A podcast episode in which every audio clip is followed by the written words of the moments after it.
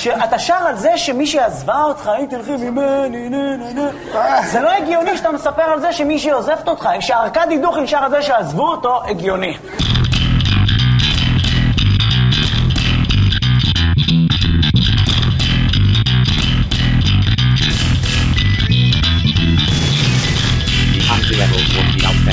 Of course, before anyone started. Then on the page, too sincere, clearly regret, backward, wait, naive, anachronistic. Maybe that'll be the point. Maybe that's why they need the next real level. Real level, as far as I can see, with disapproval. בוקר טוב, צהריים טובים, אחר צהריים טובים, ערב טוב, לילה טוב ולפנות בוקר נהדר לכם. אתם מאזינים למשדר רשת, לי קוראים ארז. משדר רשת, פודקאסט בענייני השעה, בדרך כלל מה שמעניין אותי באותה שעה שאני מדבר. והיום, הפלא ופלא, זה אשכרה מה שמעניין אותי, כי אני לא הולך להתעסק שום דבר שקשור למה שקורה בעולם, או מה שקורה מסביבנו, או בארץ, או בכל דבר אחר. הגיע הזמן לקחת איזה אתנחתא מוזיקלית קלה, כמו שאני אוהב לעשות מדי פעם. לאחרונה יצא לי להאזין לאלבום, בכלל דיברתי על אה, השבט הטוארג אה, מזמן, לפני איזה, לא זוכר אפילו כמה זמן, אה, במשדר שאני מאוד אהבתי, ועד היום אני חושב שהוא אחד הטובים שהקלטתי, לא כי אני עשיתי כזאת עבודה נהדרת, אלא כי הבאתי איזשהו נושא שגם היה מוזיקלי וגם דיבר, זה נדמה לי היה תנועת המרד, או תנועת המרי, אני כבר לא זוכר איך קראתי לו. ודיברתי אז על uh, הרכב של בני שבט הטוארג שנקרא טינאריוון. טינאריוון הם הרכב uh, מוכר בכל העולם, בכל מקרה בכל העולם שמכיר אותם, והם די הלהקה הכי, או ההרכב הכי מפורסם שיצא מתוך הטוארג, ודיברתי על הרעיון הזה שהטוארג בעצם זה שבט, אבל להגיד על הטוארג שזה שבט זה בערך כמו להגיד על עם ישראל שהוא שבט, על היהודים שהם שבט, או על אני יודע מה, זה, זה איזשהו עם, שהוא עם כן שהתרבות שלו היא תרבות נוודית, מה שאנחנו מכירים בארץ את הבדואים, או, או מה שהערבים בזמנו היו אה, בערב הסעודית, כן, לא אה, הערבים שחיים היום ב... מסביבם בכל העולם. אבל הרעיון הוא שזה שבט שבט נוודים, שבט ללא ארץ בעצם, וכתוצאה מזה כל הארצות שהם, שהם חיים בהן מאוד לא אוהבים אותם, כי שוב זה לא כיף לאף שליט או לאף... אה, אה, זה לא הולך להיות פוליטי עוד פעם, המשפ... המשדר הזה. זה רק צריך ככה לעשות איזשהו. איזשהו רקע. לאף שליט בדרך כלל גם השליטים שחיים במדינות, כי הם חיים במדינות כמו לוב וכמו מאלי וכיוצא בזה. אלה מדינות שהשליטים שם לא אוהבים שיש להם, מסתובבים להם כל מיני אנשים שמבחינתם הם לא אזרחי המדינה. כיוון שחלק מהרעיון שאתה נווד זה אומר שהיום אתה פה, מחר אתה שם. זה שאתה חלק משבט גדול זה אומר שאתה תופס את כל... בני השבט שלך, לא משנה באיזה ארץ הם חיים ולא משנה באיזה מקום הם נמצאים, אתה תופס אותם כבני העם שלך ולא מתאים לאותו שליט בלוב או לאותו שליט במאלי או לכל מי שנמצא שם באזור, לא מתאים להם הרעיון הזה ולכן הם בדרך כלל נרדפים, בדרך כלל הם נסרים או מוגלים או כשהם נמצאים איפשהו זה במחנות פליטים. וכשמישהו כן מכיר בהם זה בדרך כלל בקטע של טוב, אני מכיר בכם, עכשיו לכו ותמרידו את, את האחים שלכם שנמצאים במדינה השנייה נגד השליט שמה. וזה גם קצת uh, by design, מי שמכיר את השיטות הבריטיות של uh, תחילת המאה שעברה, אז יכול בהחלט לראות את טביעת האצבע שלהם בכל מה שקשור לאיך לנהל בכלל, כל העובדה שאנחנו מסתכלים היום על המפה של כל מה שהיה השלטון הבריטי באזור. והכל כזה קווים ישרים ומאוד, זה די ברור שהקווים הישרים האלה נועדו כדי לחתוך כל מיני שבטים וכל מיני עמים שחיו באזור ולדאוג שבצד אחד יהיה מיעוט ובצד אחד יהיה רוב. והפרד ומשול הזה, ואז בדרך כלל הולכים למיעוט פה ונותנים לו את ה... אומרים לו אתה תהיה השליט ויש לו סיבה להיות דיקטטור דכאני ולאלה ולצד השני עושים בדיוק את ההפך. ככה ותענוג והתוארג די uh, נתקעים באמצע של כל הסיפור הזה. ויש כמובן צדדים שם שרוצים אה, להקים איזושהי, אנחנו אומרים, טוב, אנחנו כן רוצים איזו ישות אה, מדינית, ויש כאלה שאומרים שהם לא רוצים. הרבה סמטוחה, אבל מה שמעניין אותי ומה שדיברתי עליו בזמנו, הוא העובדה שבעצם, קודם כל המוזיקה שהם עושים היא מוזיקה שאתה לא יכול להגיד, אה, אתם אומרים, תמיד יש מורדים, ההוא מורד, תמיד מצחיק שכל מיני זמרים וכל מיני יוצרים הם כאילו מורדים והם כאילו בועטים במוסכמות. והם בעצם המוסכמות, הם בעצם ה... ה... איך לומר את זה?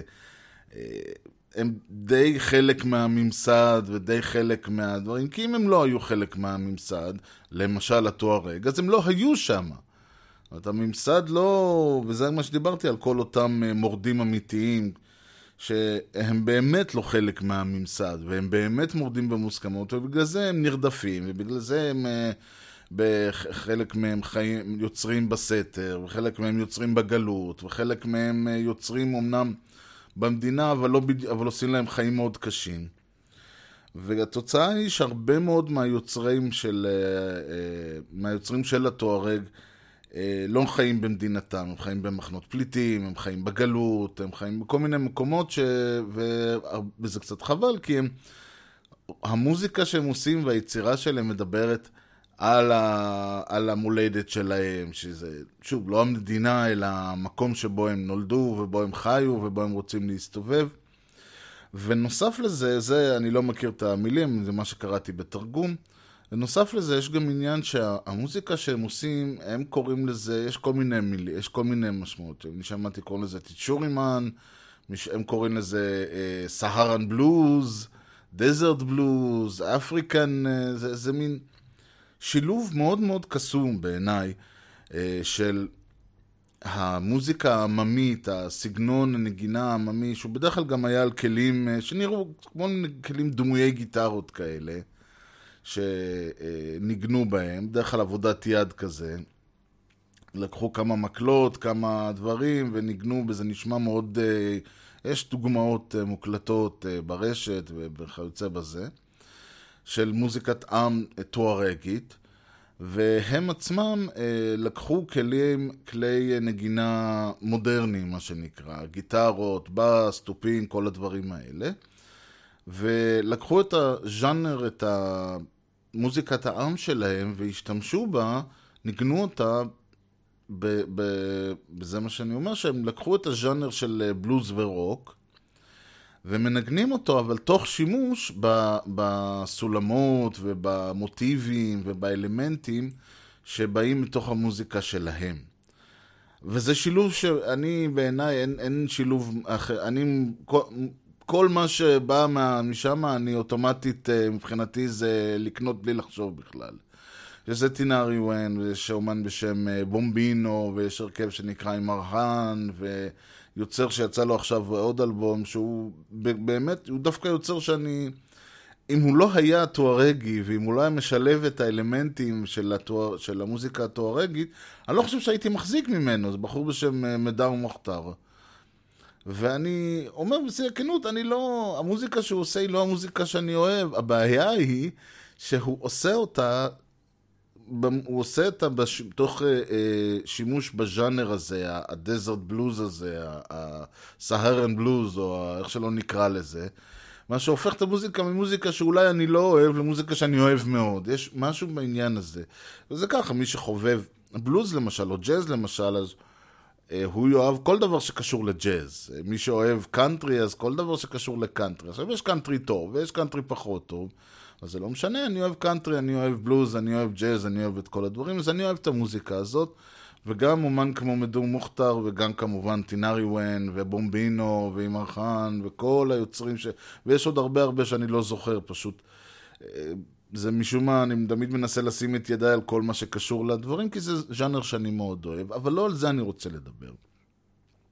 אלא על אותו אומן שנקרא אחמד אג-קאדי, ואני, שוב, אני מניח שככה אומרים את השם שלו, יש לי אותו באנגלית, אני לא יודע איך הוא קורא לעצמו, אבל אני מניח שאם כתוב אחמד אז זה אחמד, ולא אחמד או משהו כזה. אה, בכל מקרה, אני מניח שככה הוא קורא לעצמו, ואני מרשה לעצמי. ויצא לו אלבום ממש לאחרונה, לפני איזה חודש, שנקרא, ושוב פעם אין לי מושג איך אומרים את זה, אבל זה אקליין, או אקלין קידל, וזה מצחיק כי זה כתוב אקליין, כמו באנגלית, L-I-N-E, כמו line קו, אבל אני לא יודע אם הייצור הזה אה, קיים בשפה שלו, ויכול להיות שזה אקלינה, והוא סתם כתב את זה וזה נראה כמו אקליין. לא יודע, לא משנה, באמת לא רלוונטי לדיון. או לשום דבר אחר, אין פה כל כך דיון, עדיין. הרעיון עם המוזיקה שהוא עשה, ואם דיברתי על זה שרוב הניסיונות, רוב האומנים שדיברתי עליהם, או למעשה כל האומנים שדיברתי עליהם, ששוב, אני אגיד עוד פעם את השמות, זה טינאריוון, בומבינו, מדו מוכתר ואימרהאן, ועוד אחרים, מה שהם עושים זה לקחת את הסגנון, את המוזיקה, את הפולק מיוזיק שלהם, של התוארג, ולנגן אותו בכלים מערביים שבאים בעיקר מהעולם של בלוז ורוק. מה שהוא עושה, הוא אמנם משתמש, מנגן על גיטרה, אבל הוא עושה את זה בצורה אקוסטית. ופה זה משהו כזה קצת משעשע, כי כמו שהיה בזמנו את ה... כל הסרטים האלה, למשל Kill Bill ודומיהם, או, או הסרטים שעשה Face אה, Off וכאלה, שזה סרט שעשה אנג לי, אני חושב. הרעיון הזה היה מעניין מכיוון שהם היו סרטים שמאוד הושפעו מסרטי, מהסרטים ההונג קונגים, שזה סרטי הקונג פו והגנגסטרים, ההונג קונגים. והיה פה קטע, וזה משעשע, מכיוון שהסרטים ההונג קונגים בעצמם הושפעו מאוד מהסרטים המערביים, מסרטי האקשן והפשע וכל האלה. אז בעצם זה היה מצב שמי שלק... היוצרים של Face Off ושל Kill Bill הושפעו מסרטים שבעצמם הושפעו מסרטים אמריקאים. אז אותו דבר קורה פה, בעצם בזה שאחמד אל-קאידי עושה מוזיקה שהיא מוזיקה שרק שהוא שר, שבעצם כל מה שכל האלבום זה הוא שר עם גיטרה אקוסטית. הוא מחזיר את, ה, את המוזיקה כביכול לשורשים שלה, שהיו השורשים העממיים לא היו גיטרות חשמליות ובאסים, היה, אמנם זה לא היה גיטרה, אבל הוא עם הגיטרה לוקח את המוזיקה חזרה לשורשים שלה, אם כי עדיין הוא משתמש בכל, בכלים המערביים. וזה קצת גרם לי לחשוב העניין הזה, כי כשאנחנו, כשאני אומר הוא עושה רק הוא וגיטרה אקוסטית, החיבור המיידי הוא למשהו שהוא יהיה מאוד שקט, ומאוד רגוע, ומאוד אינטימי, ומאוד כל הדברים האלה.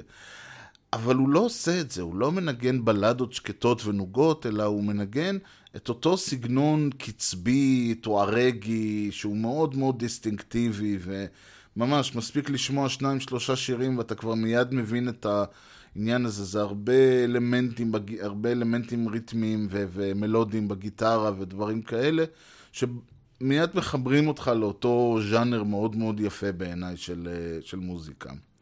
ועם זאת, הוא עושה את זה בצורה אקוסטית. משהו בעניין הזה שאתה חושב שאמור להפוך את זה למשהו, אתם יודעים, כזה... כשאנחנו חושבים על אקוסטי, על מה אנחנו חושבים? אנחנו חושבים על חבר'ה מסביב למדורה, ומישהו מביא גיטרה, ומנגן, וכולם שרים, וזה בדרך כלל נורא, אה, באמת שוב, אינטימי ונעים וכל זה. אבל פה, בגלל שהגיטרה היא מאוד קצבית, נוצר איזושהי חוויה שהיא קצת שונה. והיא קצת מעניינת מכיוון שה... זה לא מרגש וענוג ו- ואינטימי, וגם ה- ה- הסאונד שהוא בחר הוא מאוד מעניין, כלומר, אני לא יוצא לי הרבה לדבר על סאונד, בכלל קשה מאוד לדבר על כל הדברים האלה, כיוון שזה השלב שאני צריך להגיד לכם, תעצרו שנייה, תלכו, תקשיבו, תחזרו אליי. כי אני יכול לדבר עד מחר, אבל אין לזה משמעות כל עוד הבן אדם לא הולך ושומע את המוזיקה. אני יכול לנסות לתאר את זה עד מחר. מבחן התוצאה הוא בסופו של דבר ב... שוב, כמו לדבר על אוכל, מבחן התוצאה הוא בזה שאתה הולך ולוקח ביס, ואז אתה מבין טעים לא טעים. או הבנתי על מה אתה מדבר, שאתה אומר שילוב uh, של טעמים וכזה. וזה התייחסות מעניינת לתפ... לקונספט האקוסטי. והקונספט האקוסטי באיזשהו מובן, שלמרות עוד פעם התפיסה הפופולרית שלו, יש לו, אפשר לומר שבצד המוזיקת הרוק תמיד היה את האח האקוסטי שלה. וזה מצחיק, למשל, מי שמכיר, אה, אני זוכר שדיברו בזמנו על אה, דיוויד בויד, לא, אני לא זוכר שדיברו בזמנו כי זה היה ב-72 ועוד לא נולדתי אז, אבל כשהתוודעתי לדיוויד בוי ודיברו על זה שה... ה... בשנות, בתחילת שנות ה-70, ב-72, 73, הוא חשמל את המוזיקה שלו, זה היה זיגי סטארדסט, ואז הוא עשה, הוא כאילו חיבר את הגיטרה שלו למגבר, ועשה וזה וזה, ואז אני מקשיב, ואני רק שומע גיטרה אקוסטית. אז נכון שיש גיטרה חשמלית ברקע, אבל אתה שומע את הגיטרה האקוסטית די front and center, ואתה גם רואה אותה בהופעה. אז אני אומר, אוקיי, זה, זה קצת מצחיק להגיד שהוא חשמל את הגיטרה שלו, שאני רואה שהגיטרה שלו היא אקוסטית. אומרים, לא, הכוונה היא שהוא, שעד אז הוא ניגן פולק, ועכשיו הוא ניגן יותר רוק. אני אומר, בסדר, הוא אולי מנגן יותר רוק, אבל הוא עדיין עושה את זה עם גיטרה אקוסטית. אז יש כל הזמן משחק כזה בין החשמלי לאקוסטי. בהרבה מובנים, מצד אחד, למשל, האקוסטי תמיד נתפס כאיזשהו קונטרה. כמו שיש, אה, תמיד יש את ה party, שהיא מאוד, אה, לא, לא סקס סמים ורוקנרול, אבל, אה, כלומר, לא רוקנרול, אלא יותר dance ומשהו מאוד, ביטים, BPM מאוד גבוה, ואז יש את ה after party, שזה ה chill out, שזה הלהירגע, שזה הלרדת, מה שנקרא. אז באותה מובן, הרבה פעמים, אחרי משהו שהוא מאוד רועש, מגיע משהו שהוא מאוד שקט. אה, אני זוכר, לדאבוני, אני זוכר שבשנות ה-90, אחרי מה שהיה המהפכה של הגראנג' עם נירוונה ופרל ג'אם, ו... אה, איך קראו להם? אליס אין צ'יינס, ומד הני, וסאונד גארדן, וכל זה, פתאום, וזה היה די איפשהו ככה, הייתי אומר, בד בבד, פתאום התחיל כל העניין הזה של ה-unplugged. ונירוונה שעשו את ה-unplugged היו דוגמה לזה, אבל הם לא היו היחידים, ה-unplugged התחיל כבר קצת קודם.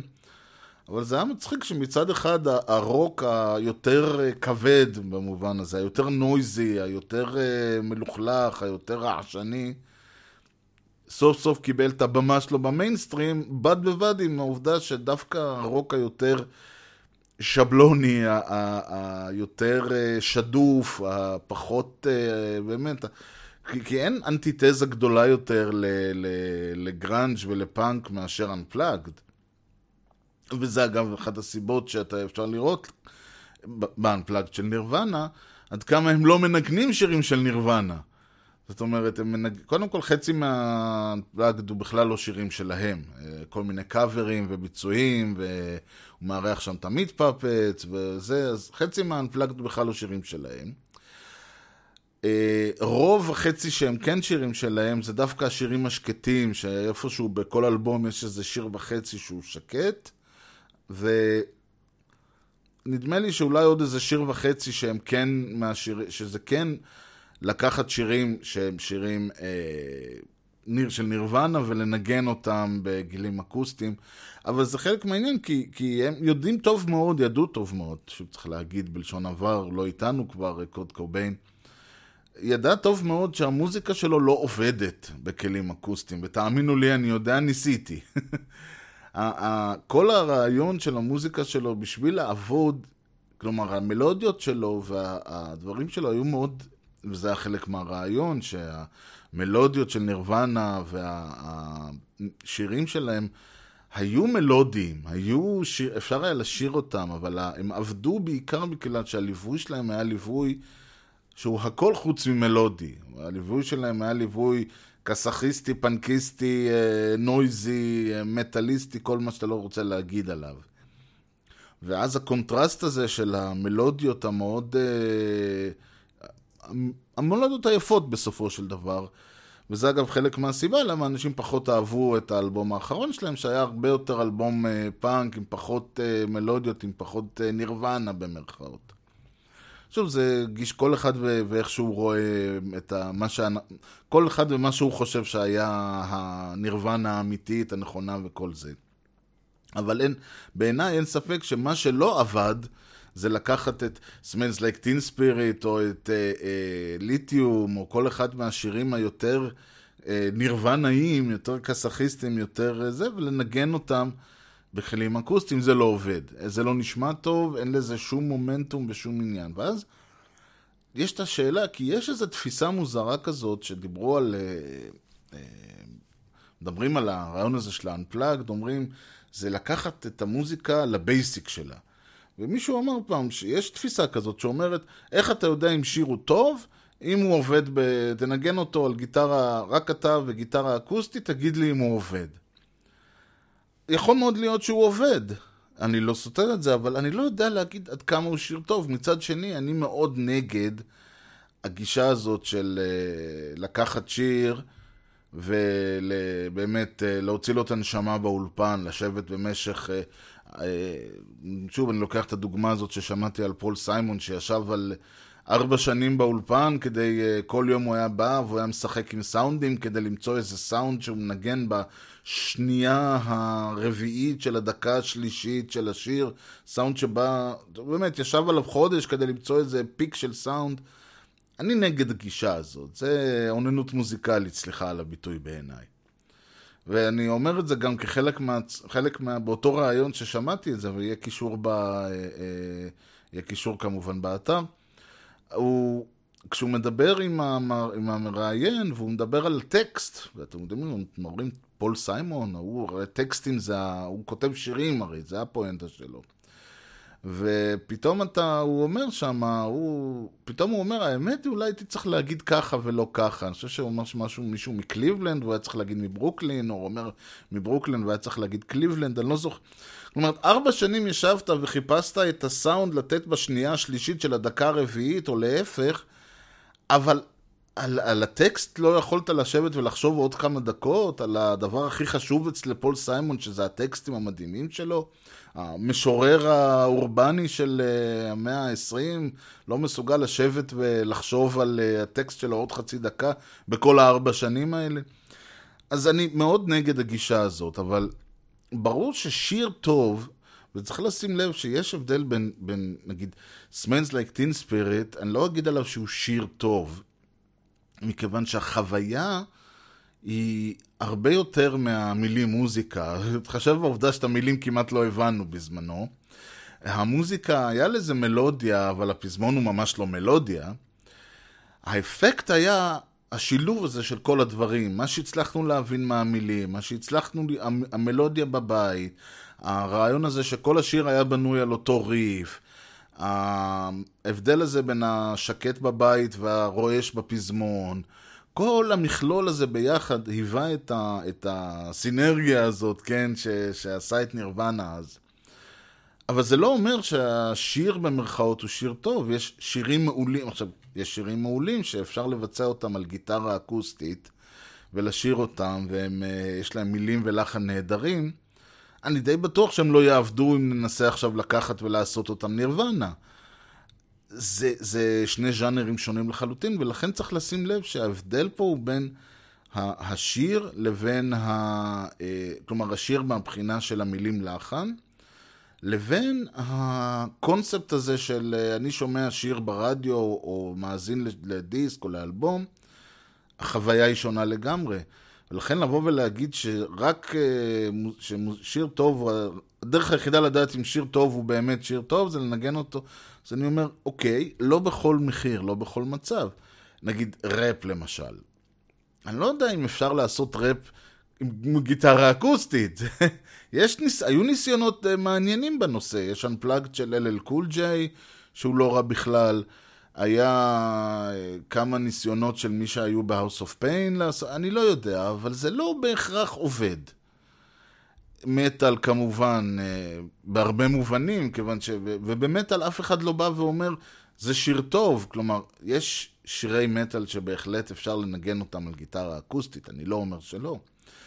אבל יש שירי מטאל שהם בעצם לא שיר, הסיבה היחידה שאני אומר שהם שיר כי אין לי מילה אחרת לתת על זה, טרק, אני יודע מה, יצירת מטאל, אני אגיד יצירה יגידו לי מי שמע, אבל זה הרעיון, הגיטרה מנגנות שם ריפים אה, רפטטיביים ורועשים, השירה היא לא שירה בכלל, אלא בן אדם צורח אה, טקסט.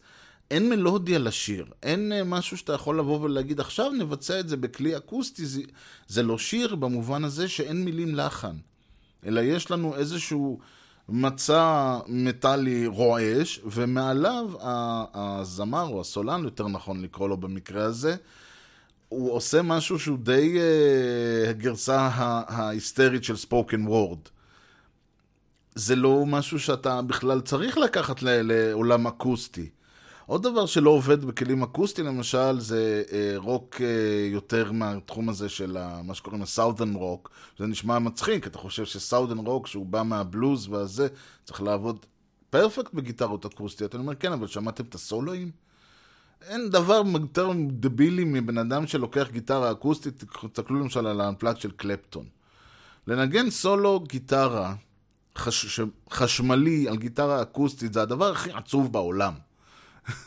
זה הדבר כל כך עצוב, זה כאילו, זה אשכרה כמו, אני לא יודע מה, אה, אה, לנסות אה, לשיר אופרה ב- בלחישות. כלומר, אני יודע, נסו לשיר את, אה, אה, לא, לא אופרה, נו, קווין, רפסודיה בוהמית. תנסו לשיר את רפסודיה בוהמית, אבל תעשו את זה בלחש, כאילו בשקט. זה נשמע פתטי, זה נשמע צפצפני, אתה, לא, אתה כזה, אתה צוחק על עצמך, וזה אותו דבר. סולו גיטרה, סולו רוק, כשאתה בא לנגן אותו בגיטרה אקוסטית, נשמע בדיחה. כי כל הרעיון של גיטרה אקוסטית הוא שהצליל מהדהד, ויש לו, בזכות ה... ה סליחה, הגיטרה החשמלית, הסאונד שלה מחזיק את עצמו, ויש לו את כל המטענים האלה של האפקטים והדברים, שהופך כל תו לתו תו, כן? שזה לא טינג כזה. זה גם סיבה שאני שונא סאונד של ג'אז, שהוא נשמע כזה, כולו בליפ בליפ בליפ בליפ כזה. אני אוהב את הסאונד של. ככה. עכשיו, שזה הבסיס שלך, שזה יחידת הבסיס שלך, אפשר לעשות סולו, ולא צריך להיות כזה גיטריסט גדול, ואם, אבל אם כן, אז סבבה. הבעיה היא שאין לך את האלמנט הזה בגיטרה אקוסטית, כיוון שבגיטרה אקוסטית אתה נותן, אתה מנגן את התו, אז הוא עושה טינג וגמרנו, זהו. עכשיו תבנה לך סולו שלם שבנוי על הרעיון הזה שאתה נותן, אה, אתה מנגן את ה, על המיתר והוא ככה מהדהד במשך איזה כמה שהוא מהדהד, כמה שניות האלה. אתה לא יכול להעתיק את זה לגיטרה אקוסטית. וזה הקטע המצחיק שאתה אומר, אז בעצם, האם זה אומר שכל הסגנונות האלה הם לא אמיתיים, הם לא טהורים, הם לא נכונים? ממש לא, ממש לא. אם רוצים, למשל, נקחת, נקח למשל כינור. כינור, אתה יכול, בגלל שיש לך את הקשת, אתה יכול לה, לה, להעריך את, הסע, את הצליל כאוות נפשך. אז יכול מאוד להיות שתיקח את הסאונד גיטרה, את הסולו גיטרה, ותנגן אותו עם כינור, ותשיג בכלי אקוסטי את אותו אפקט שאתה משיג בכלי חשמלי, או אולי בעצם להפך, אולי הרעיון הוא שה... שהגיטרה החשמלית משיגה באמצעים אלקטרוניים את מה שהכינור משיג באמצעים אקוסטיים. אז זה בדיוק הרעיון, לקחת, אבל אתה אומר כן, אבל זה לא גיטרה. אני אומר נכון, אבל הרעיון פה, אם אני רוצה להעביר בצורה אקוסטית חוויה חשמלית, או להפך, אני לא יכול להשתמש באותו כלי כביכול. זה שזאת גיטרה וזאת גיטרה, לא הופך את החוויה שכל אחת מעניקה לשוות ערך.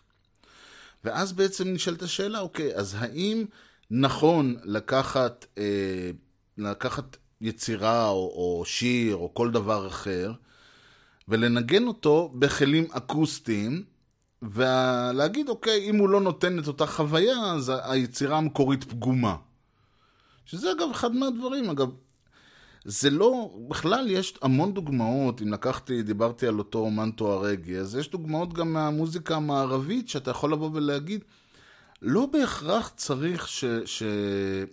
יצירה תהיה אקוסטית כדי להשיג את אותו אפקט אה, אינטימי, את אותו אפקט אה, stripped down כזה של הדברים. יש אלבום, אחד האלבומים הגדולים בעיניי, שנקרא נברסקה, של ברוס ספרינגסטין. שאני מניח שזה אלבום שכולנו שמענו עליו, לא, זה לא איזה יוצר אה, אזוטרי. והסיפור הוא סיפור מעניין, מסתבר שספרינגסטין אה, בתקופה ההיא, שזה 82, אבל כנראה גם לפני, הוא היה יושב בבית, והוא היה כותב את כל האלבום, ב- על הגיטרה היה יושב, כותב את האלבום, מילים, לחן, שירים והכל, ואז הוא גם היה מקליט אותו. הוא היה מקליט אותו, מה שקוראים הקלטת דמו. זאת אומרת, הוא היה לו טייפ אה, ארבע ערוצים. אני... מי שזה לא אומר לו משהו, זה לא נורא, זה לא כזה סיפור, זה פשוט טייפ הקלטה, זה פשוט טייפ הקלטה סמי מקצועי. והוא היה מקליט את כל השיר, היה מקליט אה, שירה, גיטרה ומה שהוא היה צריך לעשות, בלי תופים, בלי בסים, בלי כל המסביב, גיטרות... עכשיו, לא בהכרח הגיטרה לא הייתה בהכרח אקוסטית, לפעמים הייתה חשמלית, לפעמים הייתה אקוסטית, מה שהתאים לו באותו רגע. ועם זה הוא היה הולך אחרי זה לאולפן, ללהקה, לחדר חזרות, למפיק, לכל הדברים האלה, ועל בסיס זה הם היו מוסיפים את כל התופים וגיטרות חשמליות וסקסופון ובאס וכל הזמרות רקע וכל הספרינגסטיניות של הדברים האלה. אלא שקרה מקרה מעניין, והם הקשיבו, לה, הם ניסו לעשות את זה עם נברסקה, והם אמרו, תשמע, זה לא, מפ... לא משיג את אותה תוצאה של מה שאתה עשית ב... בדמו. וזה לא שהדמו היה כולו שירים שקטים ועצובים ומסכנים, יש שם שירים שאתה בהחלט יכול לדמיין אותם עובדים ב... בצור... עובדים כ... כשיר ספרינגסטיני. מה שאנחנו חושבים עליו, שיר ספרינגסטיני, אתם יודעים, זה באמת עם ככה כל הלהקה בהילוך חמישי כזה, וכל העניין. המנוני אצטדיון uh, כזה וכל העניין. יש שם כמה וכמה שירים שבהחלט יכולים לעבוד, ואגב, יש, uh, לשניים מהם יש ביצועים שאני מכיר, אני מניח שלאחרים גם, אבל לשניים מהם יש ביצועים שאני מכיר של uh, ג'וני קאש. מאלבום שנקרא ג'וני 99, שזה אגב שיר מתוך נברסקה, ג'וני 99 ו Highway Patrolman. ואלה ביצועים שהוא עושה עם הרכב מלא, הוא לא מנגן אותם רק עם גיטרה.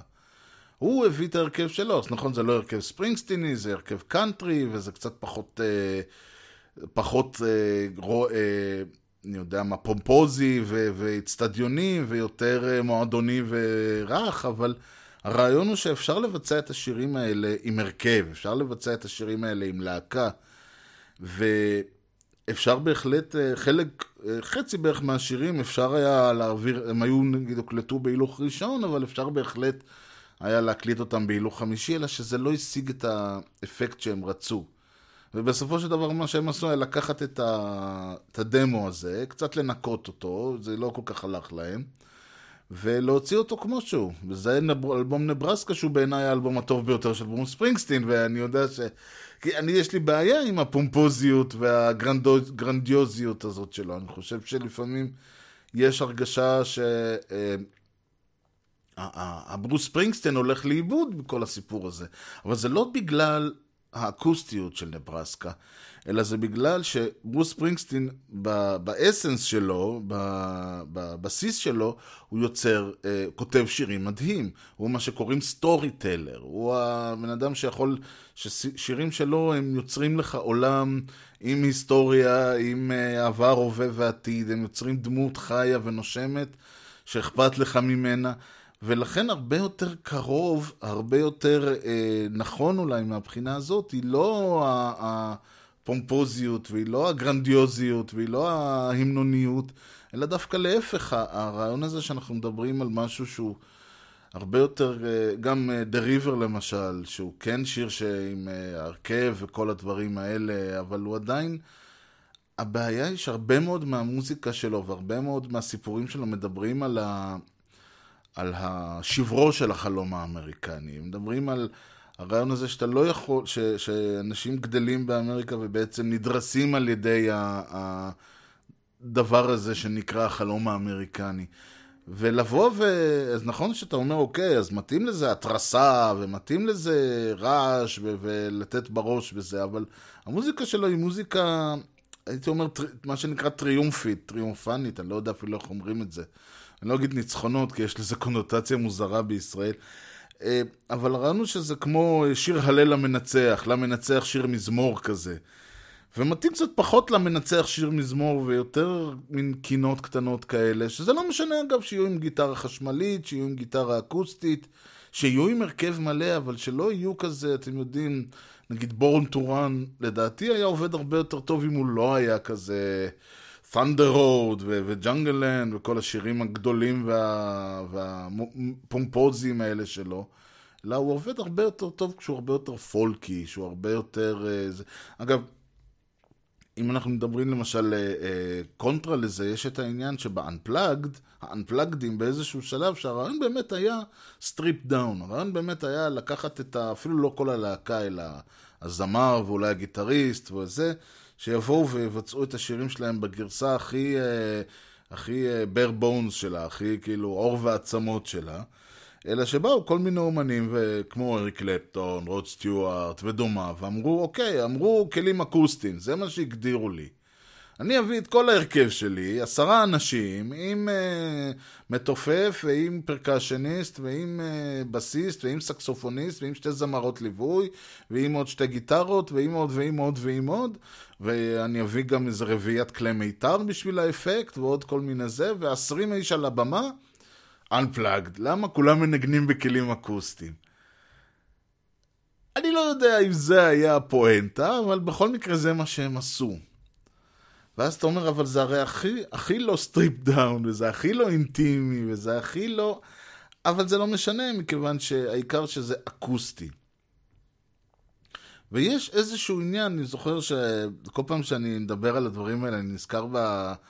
אה, ביצוע הוא של, אה, לא ביצוע, היה, בפעם היה כוכב נולד, לפני שהיה כוכב הבא לאירוויזיון, ובאחת התוכניות התארח אה, יהודה פוליקר.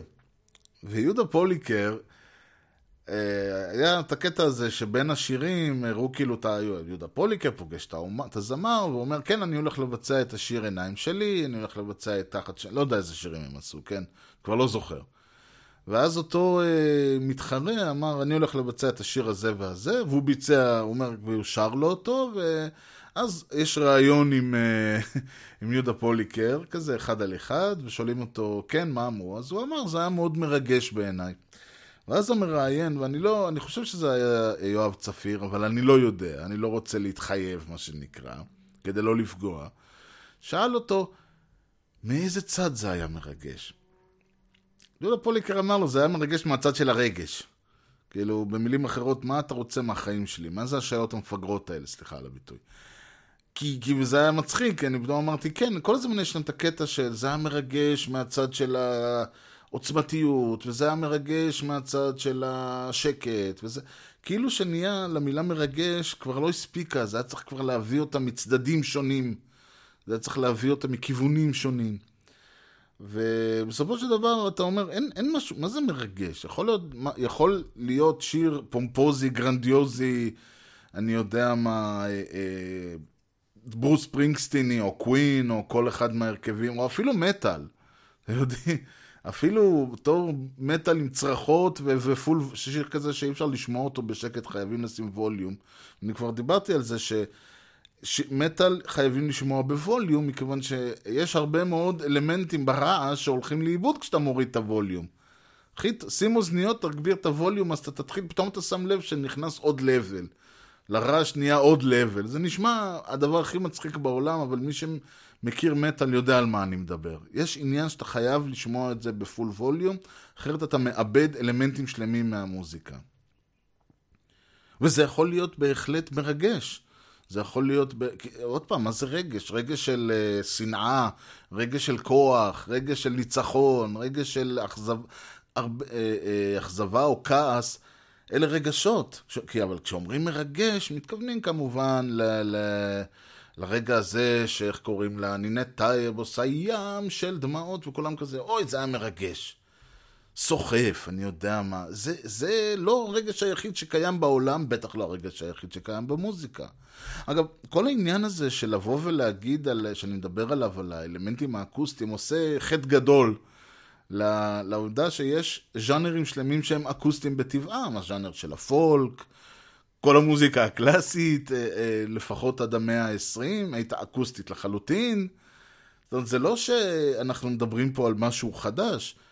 אבל הרעיון הוא שאנחנו לוקחים את הרוק, אנחנו לוקחים את הרוק, שוב, כשאני אומר רוק, אני מתכוון לרוק, לפופ, למטאל, לפאנק, לראפ, זאת אומרת, המוזיקה הפופולרית, שהיא מוזיקה מוקלטת, שבנויה על הרעיון הזה שיש לך אה, כלים אה, חשמליים, ויש לך הרבה אפשרות לבצע מניפולציה של סאונד, אם זה בכלי עצמו על ידי אפקטים, אם זה בתזמור, אם זה באולפן, אם זה בכך שאתה מנגן באיצטדיונים או בדברים כאלה. אם זה השילוב הלא קונבנציונלי של אה, אתה יכול להביא אה, אה, כינור, סקסופון, גיטרה חשמלית, בס, תופים ואני יודע, שלוש זמרות, וכולם ביחד מביאים אותך לאיזשהו סאונד מסוים. לקחת את כל זה ולהגיד, עכשיו אנחנו נוציא את כל האלמנטים האלה מהשיר ונשאיר רק את השיר. אז נכון, יש אומנים שיכולים בכיף לעשות גם את זה וגם את זה. יש מוזיקאים שזה בלתי אפשרי מבחינתם. וכבר דיברתי על העניין הזה. אגב, יש מקרים שזה גם משעמם רצח. אחד הדברים שקרו בסוף שנות התשעים, אני חושב, או מתישהו בשנות התשעים, אולי בתחילת שנות התשעים, אני כבר לא זוכר, היה איזה קטע כזה שהסתובב סביב מה שקראו אז ה-Traveling Wilburys. זה היה מין הרכב שכלל בתוכו את אה, אה, ג'ורג' הריסון מהביטלס, את תום פטי, בוב דילן, רוי אורביסון וג'ף לין. והם קראו לעצמם Traveling Wilburys, הרעיון היה שזה היה הרכב שהתגלגל סביב uh, כמה פרויקטים שהיו להם ביחד, זה היה Cloud 9 של uh, ג'ורג' הריסון, שג'ף לין הפיק, זה היה Full Moon Fever, אלבום של תום פטי, שניהם כבר לא איתנו, גם רוי אורביסון כבר לא איתנו. Uh, שגם כן ג'ף זה היה אלבום uh, הקאמבק של uh, רוי אורביסון, שאני לא יודע מי הפיק, אבל מופיעים שם, אם מישהו מכיר, מישהו שיסתכל על הקליפ של Everything You Want You Got It, יכול לראות בהחלט את החבר'ה האלה מאחורה. בוב דילן, אני לא זוכר מה, מה היה לו שם, שגם כן הצטרף לכל העניין. כלומר, כולם שם התעסקו בזה, ואיכשהו...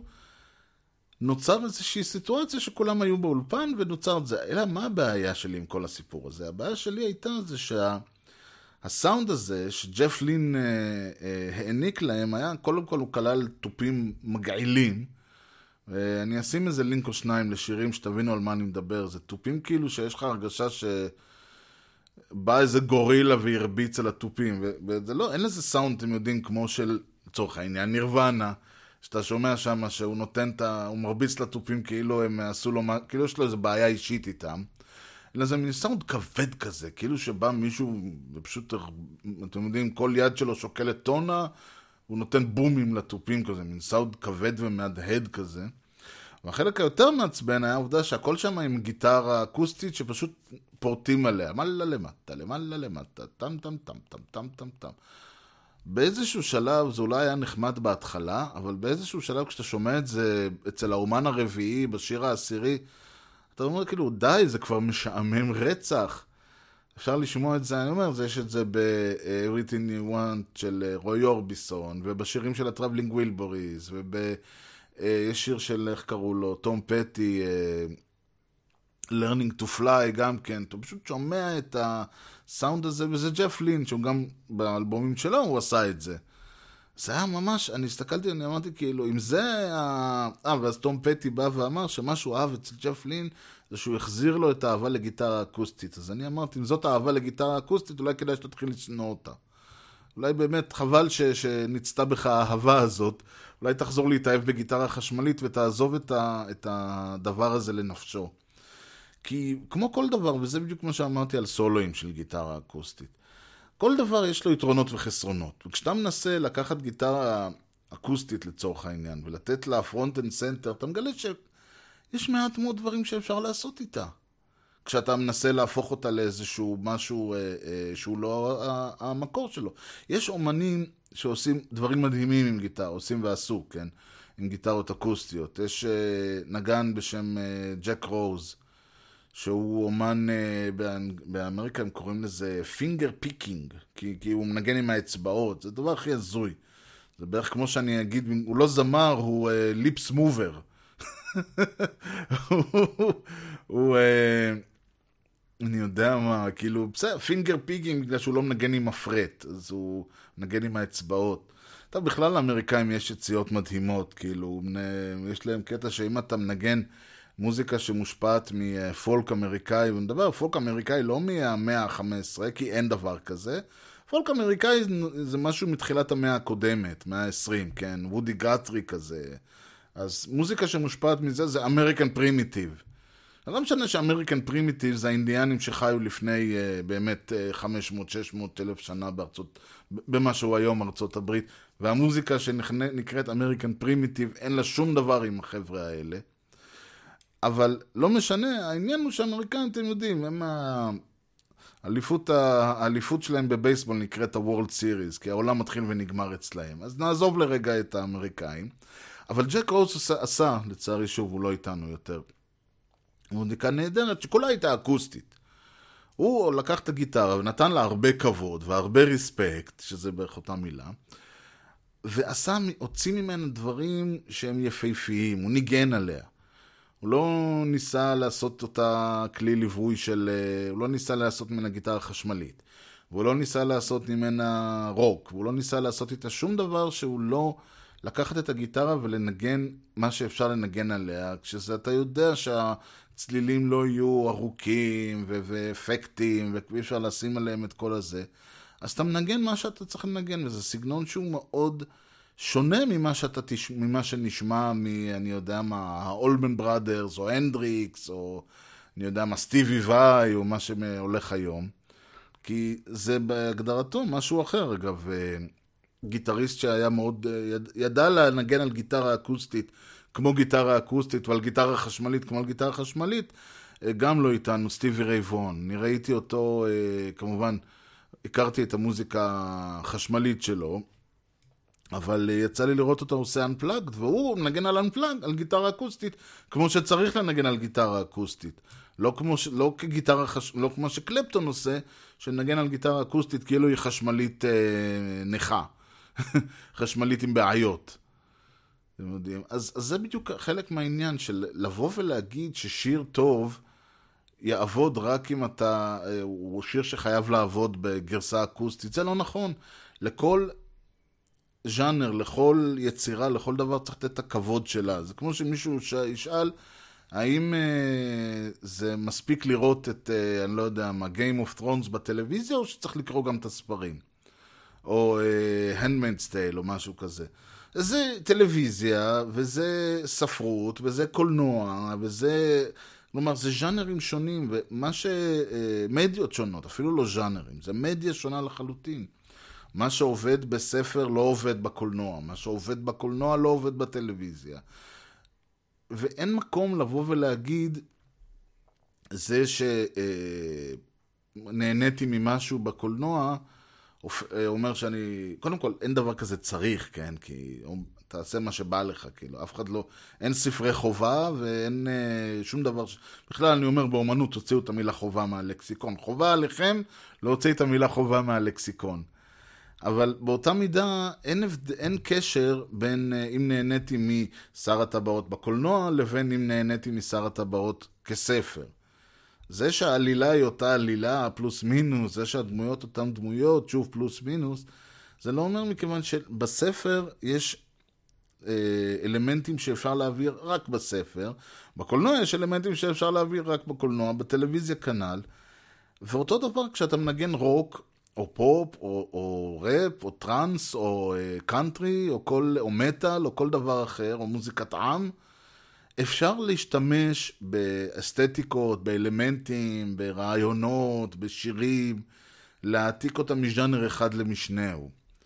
אבל זה לא בהכרח אומר שהמוזיקה, מה שעבד בז'אנר מסוים, יעבוד בז'אנר אחר.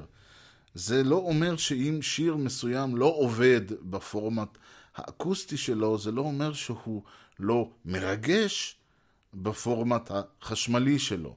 זה לא אומר שאם אה, אומן ראפ חוצב להבות ו- וקורע את המיקרופון ומדליק את הקהל אה, כשהוא עושה את זה עם הפלייבק שלו בזה, זה לא אומר שאם הוא לא מצליח לעשות את אותו דבר כששמים מאחוריו שתי גיטרות אקוסטיות, זה לא אומר שהוא לא בסדר, זה פשוט אומר שהז'אנר שלו לא עובד בכלים מסוימים. ובאמת כשמנסים להעתיק מכלי אחד לכלי אחר, לפעמים זה עובר, לפעמים זה נשפך החוצה, ולפעמים זה עובר, אבל התוצאה היא, היא לא כמו שרצית, ולפעמים, גם, כמו המטאפורה הזאת, הוא לא מגיע לשום מקום, אבל זה לא אומר שום דבר על המקור. מקור יכול להיות הדבר הכי יפה בעולם, ברגע שתנסו לעבד אותו, ברגע שתנסו לתרגם אותו, ברגע שתנסו ל- ל- לקחת אותו, לנתק אותו מהקונטקסט שלו, יש סיכוי טוב שהוא יאבד את המשמעות היחידה לקיומו. זה עדיין לא אומר שהמקור לא היה אה, אה, יצירת מופת, ולא היה מרגש, ולא היה מה שזה לא יהיה. זה רק אומר שהניסיון להעתיק אותו כשל, ואולי שווה לנסות ניסוי אחר, או פשוט לוותר ולהניח את המקור לנפשו. Ladies and gentlemen, I'd like to present to you the internet. ובזאת נסיים להפעם. אני בהחלט מודה לכם שהאזנתם. אה, אני משתדל, כמו שאני תמיד אומר, לנסות אה, להביא כל מיני דברים. אני אוהב לדבר על מוזיקה, אבל זה מאוד קשה. שאני בהחלט מרגיש שהייתי צריך לה, להגיד, אוקיי, פה תעצרו שנייה, תלכו תאזינו לשיר הזה, תחזרו אליי. פה תעצרו שנייה, תלכו. תלכו תאזינו, תחזרו אליי. אני לא יכול לעשות את זה מסיבות של זכויות יוצרים, ומסיבות שזה לא הפורמט, אבל בהחלט יהיו לינקים לכל השירים ולכל הרעיונות ולכל מה שדיברתי, יהיו לינקים באתר, אתר הוא משדרשת.co.il, ואם תרצו אחרי זה ל- ל- להמשיך את הדיון, מאחר וזמננו אף פעם לא מסתיים, אז תוכלו לעשות את זה במייל שלי, והמייל הוא ארז שטרודל משדרשת.co.il, ארז יארי-זד, משדרשת כותבים כמו ששומעים. מלבד כל הלינקים וכל הדברים הבאים, אפשר למצוא באתר גם את כל משדרי העבר, אפשר להאזין להם מהאתר, להוריד אותם ישירות למחשב או למכשיר הסלולרי שלכם. אפשר למצוא שם את הלינקים ל-iTunes, ל-RSS, ליוטיוב, לסטיצ'ר ולפאבליק רדיו, של כל מיני אפשרויות אלטרנטיביות להאזין למשדרשת. אפשר להמשיך את הדיון ואת השיחה גם בטוויטר, twitter.com/ארז, או בפייסבוק, facebook.com/משדרשת. וזה כל מה שהיה לי להגיד בנושאים האלה. אה, אני מאמין שיהיה לי משהו להגיד בנושאים אחרים, אבל זה כבר נשאיר למשדר הבא.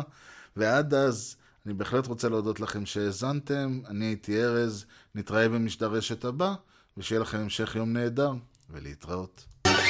Yeah.